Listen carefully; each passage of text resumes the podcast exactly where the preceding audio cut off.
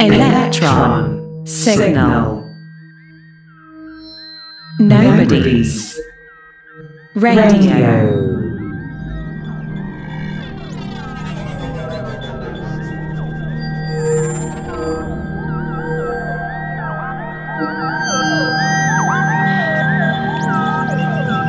So, uh, hi. um, today we were just discussing that uh, we're not listening to music today not, uh, because we have a lot of um, lovely guests coming. And now um, uh, we have Andy. Hello, Andy. Hello. And uh, Andy is. Um, you, you are an artist, yes? Yes. Yeah, let's say that. Yeah. Yes. And you are also um, part of Homo Novus Festival. Yes. And as I understood, uh, sorry, uh, you can correct me. So Homo Novus Festival uh, commissioned uh, the book uh, of Riga and Kuopio. Yes. Or how did it? How did it happen? How? Yes, and then they contacted you and your colleague Beckie.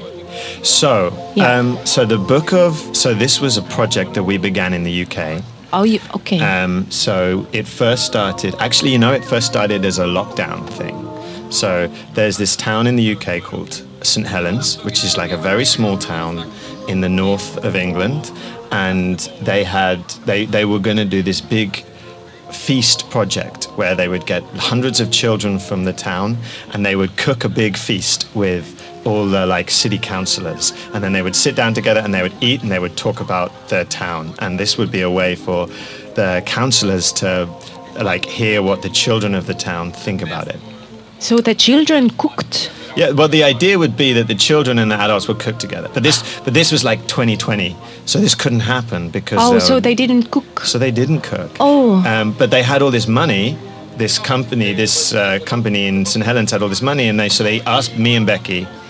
They said, "Can you do something with the, like this money that would serve the same purpose? Like there would be a way for children to share their view on the town." Okay. And so this is how we came up with the concept of the guidebook. So we were like, maybe children could make their own guidebook and publish their guidebook, and then we can give copies of the guidebook to everyone important in the town and have copies in the library and such like. And we could do all of this without. Uh, like remotely, you know. So we we made a little activity pack that could be sent into school, and the teachers deliver it, and then they send us all the stuff, and then we meet with the children on Zoom, and then they so we did this and that was like it was really fun they made this great guidebook uh, and then we decided that actually w- would be really fun to have like a whole series of guidebooks of you know? different cities. of different cities So now like the you rough have guides okay, Yeah. cool. So now you have a guidebook of Riga and then guidebook of Kuopio. yes and, And- we have a guidebook of sao paulo in brazil Oh, lovely. yeah Oh, and uh, one of another city in the uk called brighton brighton and hove Brighton. So, yeah. Okay. Okay. And uh, are you planning to do one about uh, Tallinn also? Well, you have to you have to speak to the the people in uh, the art world in Tallinn and tell them to come and we would love to do one in Tallinn. would tell be them nice to have. Tell them to get us over there and we will make one. Yeah. Um, So we just have to write you an email and then you send uh, the budget and then it yeah. happens. Well, that's, how it goes, yeah? That's how it goes. Yeah. Okay. Okay, cool. Sure. Yeah. We can talk to Mikhail Kõlvart, who is our uh, mayor in Tallinn. And Yes, get him to do it. Uh, I think he's in fond of this kind of uh, Of course. things. Yeah. Yeah. Yeah, that's it's as simple as that. And then we, like I said, it, it's a nice project because uh, it, it it involves this like working with children over a little while, but it's not not too much travel, you know. So it's kind of maybe more. But do you have any, any, any cities in line also? Uh, at well, the moment? at the moment, we're talking about uh, we are doing a, a bunch of them in the UK. Uh-huh. So we have like six or seven cities, towns and cities in the Wow. UK, and then uh, yeah, we'll have a few possibilities like maybe Athens and. Nice. Uh, a, f- a few, nothing confirmed for definite outside of the UK, but we are hoping for more. But have you also planned to do this cooking event? that was not our event. That was Ah, uh, somebody else. So we, you know, I think that the the company were just going to do this. Mm-hmm. But I do like cooking. I think it would be fun to do It, cooking it's fun. Yeah, yeah. I mean, this um, the it really uh, what you're saying of this all the cities want to have this book. It's uh, it kind of a mm, that that p- is a proof of the of the genius of this uh, concept, isn't it? it's nice and I think it's nice to know that people are enjoying it and I, and I think I think it's a good hopefully it's a it's a nice way for children to be able to um, share their the way they see a place on their own terms you know which is all the work that Beckie and I make together. This is kind of our agenda you know is to find lots of different ways for young people to be to participate in like the civic discourse of their towns and their communities. But like on their own terms. Because quite often you know city councillors or whatever they'll bring some children in and they stand there in a council meeting and it's very awkward and they, you know what are they going to say? Uh, but we like to try and create more playful environments for you know that enable children to be themselves and still talk about these important ideas. We, we like to think that like silliness and seriousness are not opposites. They are they can be part of the same thing you can be silly and serious at the same time But now that you, you have like some experience already in this, uh, could you um, uh, and uh, lots of data, uh, could you like bring out some uh, differences and sim- some similarities of, uh, let's say, uh, children of uh, Riga and children of uh, Sao Paulo? Yeah, that's an interesting one. Um, I think that. Um, what do I think? Um, I think that certainly. Um,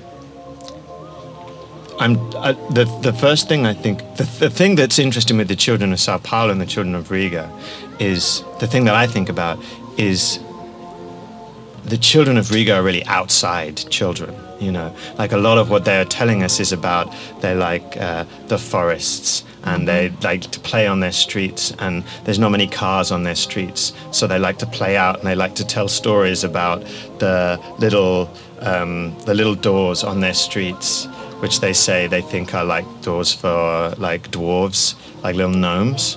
Um, but uh, other people, adults, tell them that they're like basement doors, but they don't think they don't believe them.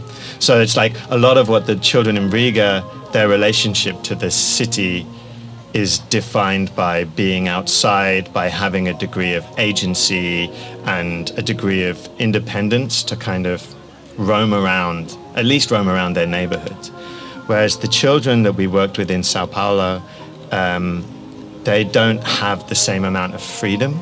And a lot of their relationship to the streets was defined by a sense of fear, like fear of uh, fear of violence or fear of like the amount of traffic. And they and maybe it's partly because of the children that we were working with as well or the young people that we were working with that they they they don't have a lot of um, freedom to move around. So um, yeah they they didn't have the same intimate relationship to the streets as the children in Riga did. But what kind of relationship did they have to the city in then at all? their relationship is defined by these the places that they are taken to you know? So like the shopping mall or like uh, the the cinema they quite liked or their school predominantly like their school and, and home you know? Um, so it's kind of very very different. For example um, we um, one of the invitations that we made to the children was to um, to imagine like some walks that you could go on through the city. You know, like often in these guidebooks, they'll have uh, uh, an invitation to, you know, like this is a nice walk you can do, like a walk through the old town or whatever. But we wanted children's version of what that would be, you know, which would probably not be seeing all the sights in the old town, but maybe going to the places they care about or setting new challenges for, you know, things to see.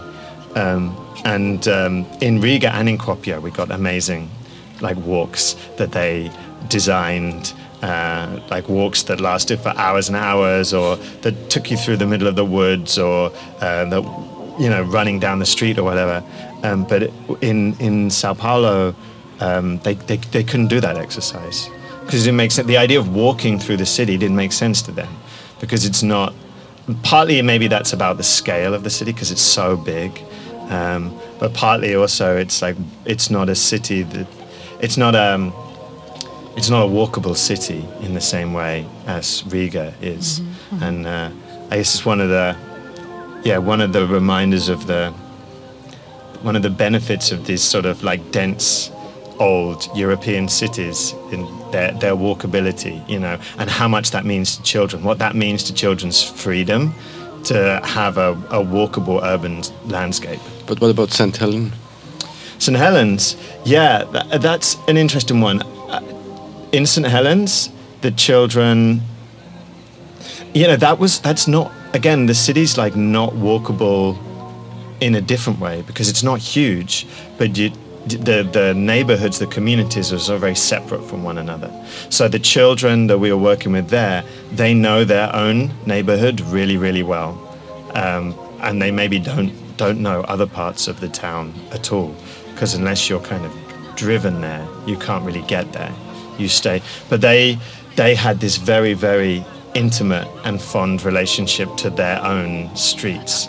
And um, they talked about it, and actually it's sort of similar actually. A lot of the things that they remember are these um, these special things that happen on the street like the day they had like a halloween parade or the time that like some of them talked about times during lockdown where everyone came outside and uh, you know um, played musical instruments or danced on the street. And so th- these kind of it's amazing how much these these one-off events that animate the streets that how they really remember them you know Okay, um, lovely.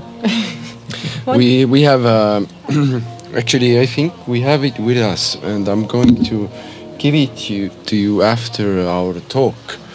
Um, we made, um, or uh, actually in, in Electron we had two uh, uh, two people who made uh, uh, a walk in Ah, um, yes. uh, like a like a walk of um, how do I, a play in walks. oh nice Yeah. Yes. So there's there's a book and it's about one uh, city in uh, Estonia. It's called Rakvere, and you can uh, you can spend a day with this book and uh, and city of Rakvere, but it actually uh, uh, also works uh, with other uh, environments as well. And uh, I remember that you are going to Kuopio. we are yeah And then uh, one of the authors, Dasha, is going there also. Yeah. So you can have a chat about it. yes i would love to It's a very nice book. I will give it to you. It's packed you. uh, here Yeah. behind. But uh, other than these uh, books, or yeah, putting together these books, what do you do? Um, we we do um, like a range of different projects. Uh, who is we? My my so my partner Beckie and I Ah. we work together. So we have been uh, we have been together um, romantically, romantic couple for eleven years, and we've been working together for like ten years as a artistic duo. So um, so that's us. We. Um, and actually, talking about the walks, you said um, walks that uh, can happen anywhere. And we, so we, one project we made, oh look, it's these things. We, as we're talking, uh, this is not very effective for radio, but the, there is one of these tourist booze cycle machines going by. Uh, I don't even know how to describe them. They, they, everyone. It's like a, it's like a party bus where everyone has to cycle, and there's like just this bunch of guys who look like they're on a stag do, being served drinks. These things are so bleak. I, uh, I, part of me would be really interested to make a show that used these things, but part of me also thinks like no person with any shred of dignity would ever get on it. and, uh, yeah, but um, anyway, um, we. Uh, so one thing we we, we made a, a walk project during lockdown. Um, with children uh, that was also the same. Like you, you, you got uh, you got sent a little parcel in the post, and then you could do. It was just a walk around your neighborhood, but it, uh, the rule was it had to happen in the rain. So you had to wait until it was raining, and when it was raining, then you could open the box and download the audio, and then you went on this walk around your own neighborhood, where the children guided you around the neighborhood, and it was sort of about distance and connectedness and how in the rain you can feel connected to people even when they're far away because the sensation of rain and the feeling of being in the rain like it rains on all of us no matter where we are. And the idea i think was that this was kind of a metaphor for the experience of covid where we all experienced it separately and differently but we also had this shared shared experience of of isolation and, and such like. But I, I mean, I suppose I, I think um, we like the thing that Beckie and I are interested in is yeah, working with children and um, finding different ways that we can um, invite them to reflect on their experience of the world and then share that experience with a sort of intergenerational audience. So we've made like these guidebooks, we've made films, we've made theater shows, we've made sort of one to one performances, we've made uh, these audio walks. Um, we've done lots of different things, but they all orbit around this central concern with, um, yeah, providing children with uh, the means and the space to, yeah, think about themselves and, and their lives and their relationship with the world around them and their relationship with adults. And then a, providing them with an opportunity to um, communicate their their experience to, to mainly to adults, but like maybe to kind of to everybody. I think it's a very important work you do. Uh, yeah, I mean, I, I guess we sort of we we came into it by accident, really. I, I used to run a.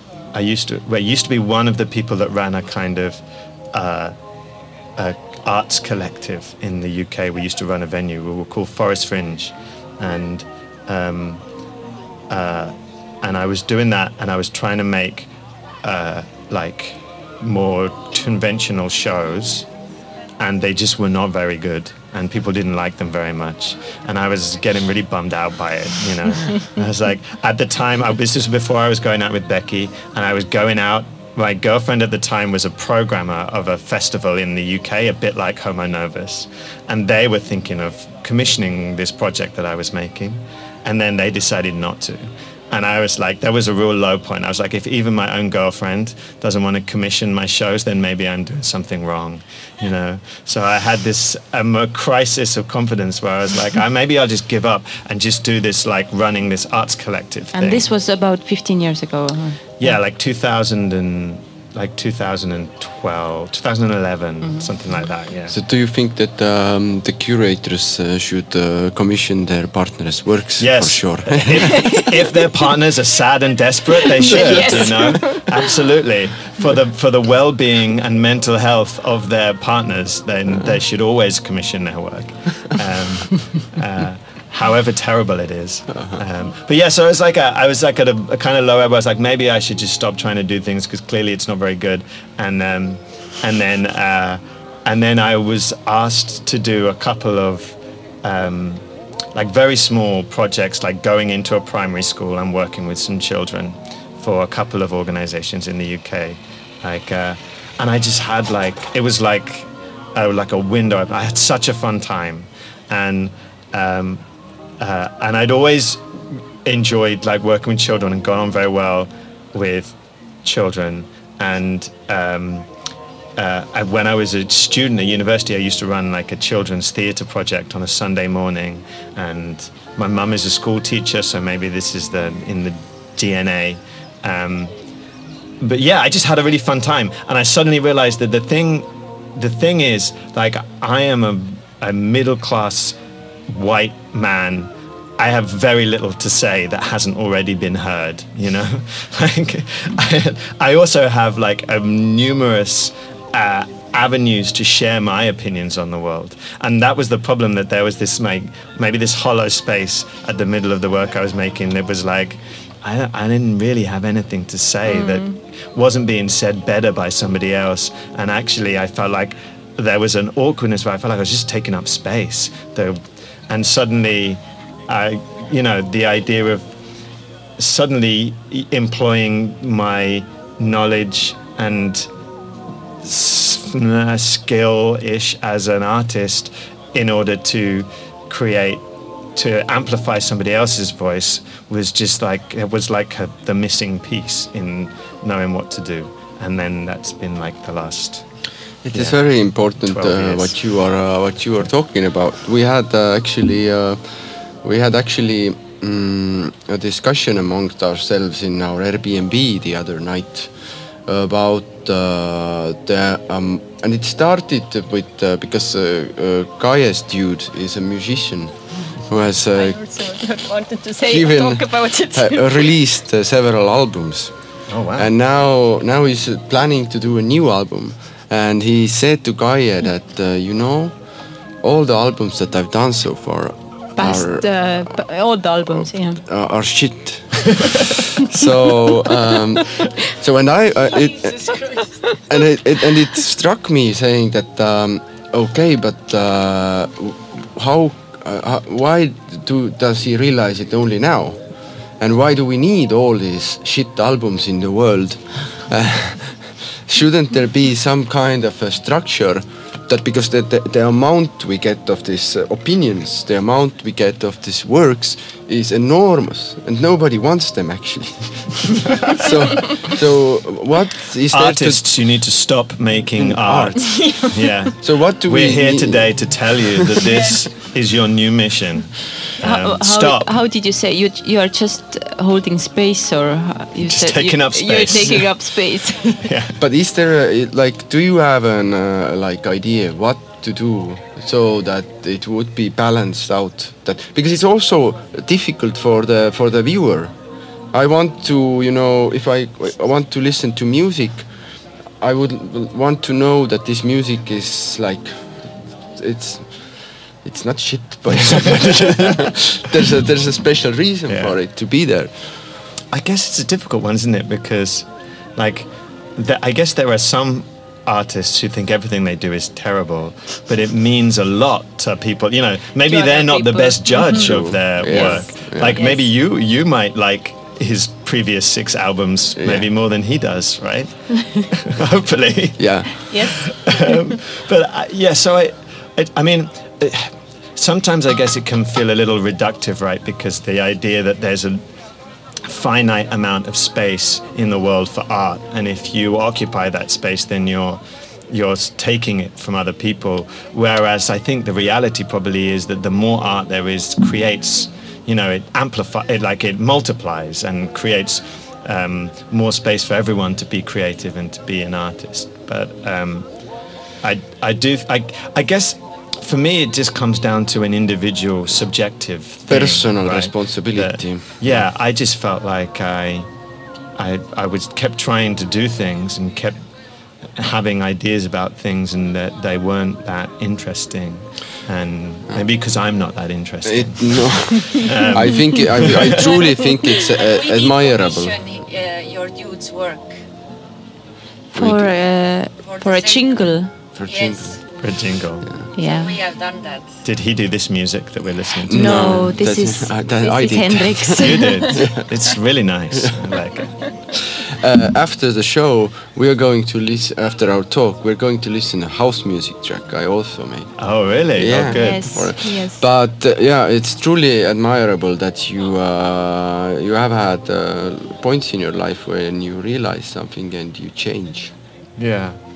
I, I mean, I, I, I would like to think it was purely out of like nobleness, but I think m- mainly it was out of a sense of suddenly feeling the fun again of making something. You It's know, really that important.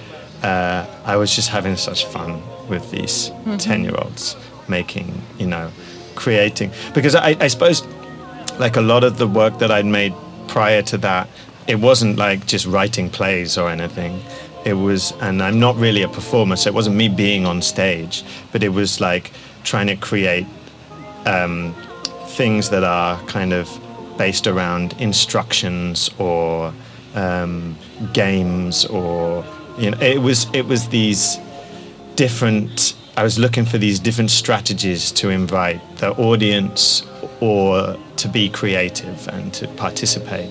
And so it was very easy to take this kind of thinking this engineering and instead of applying it to the audience apply it to collaborating with these young people and use a lot so a lot of my time now mine and beckie's time together is thinking like what are the what are the what are the what are the structures we need to create? What are the um, what are the tools that we need to give the young our young collaborators in order for them to um, to to fully explore their their feelings, their thoughts and their feelings. You know, like what is the what is the right what is the right provocation or the right invitation?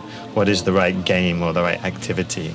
And that's fun. It's fun. It's fun making up games. Yeah, loo- looking at this um, this uh, Book of Riga and Book of Kuopio, I think you have made some uh, good good decisions. Uh, it, it is really fun also to read. And what uh, what is what I most like about it is that I I I think I I have uh, I have had the same like um, state of mind as these kids have about their environment. So it's kind of a kind of um, uh, nostalgic even. Yeah, the parts of it that I love the most are the parts that remind, same as you say, the parts that remind me of being young and how you conceptualize your world when you were young. And uh, there's one in the Riga book, um, they talk about um, the Edward Smilgas. I've probably butchered that horribly. The Theatre Museum, right? Yes. And outside the Theatre Museum is the big statue of the naked man.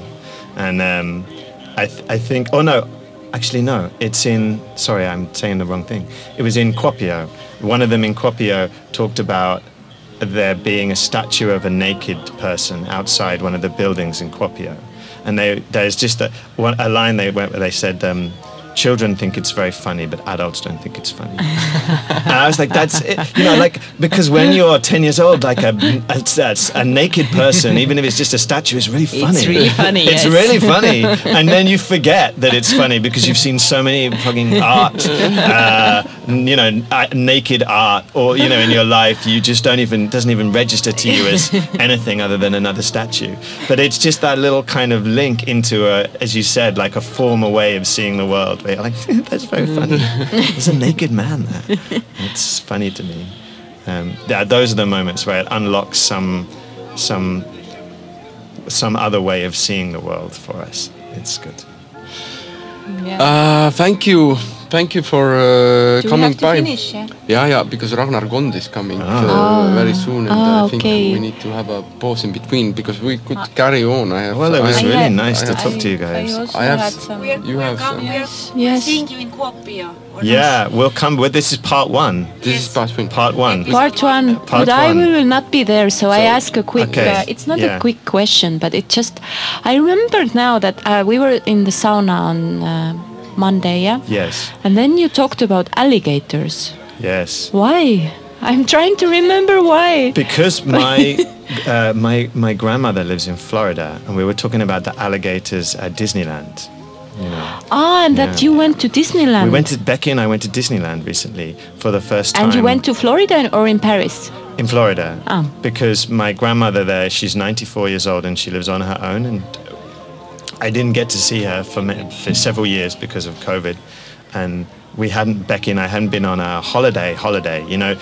Like when you sometimes when you go on tour, you add a few extra days to pretend holiday. Yeah, it's vacation now. Yeah, yeah. which is really just like sleeping after you've been working hard.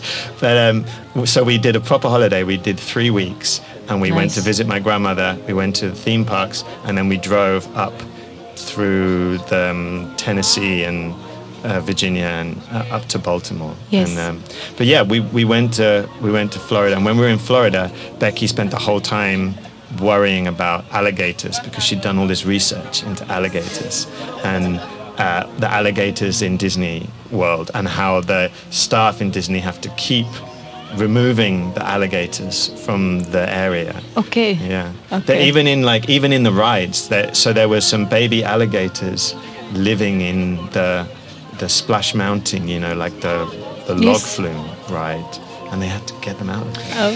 Yeah, I remember also there was actually, and then you said something that actually stuck into my, got stuck into my mind. You said that now that we are nearly 40, it's time to relive our childhood. Yes. Yes, you did say Yeah. that. Yes. Yeah.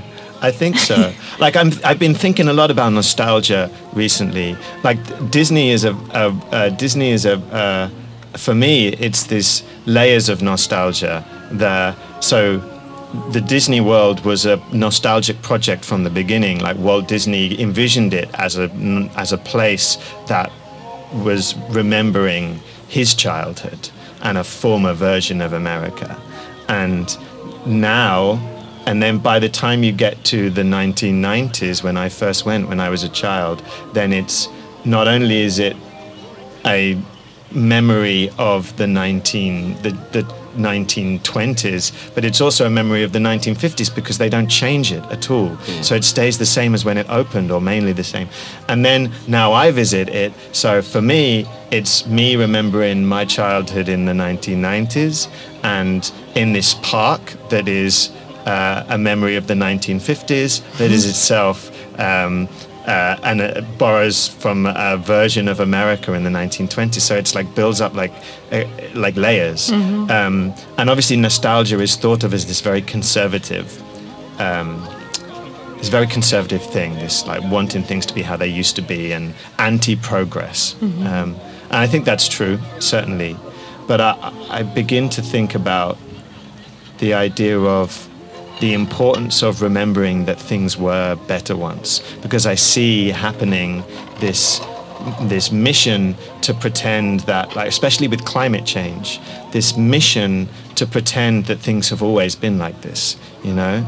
That um, that that the that we've always had hot summers and we've always had cold winters and there you know that it feels like maybe is there a is there a potential for like a radical nostalgia that actually is about um, is a, is about recognizing what we've lost in a more radical progressive way. Or remember you know remembering that things have changed and that things do get you know that things are getting worse and that I don't, I don't know I haven't really thought it through but uh, I'm, I'm interested in this this idea of what what we can do with this nostalgia that we all live in at the moment.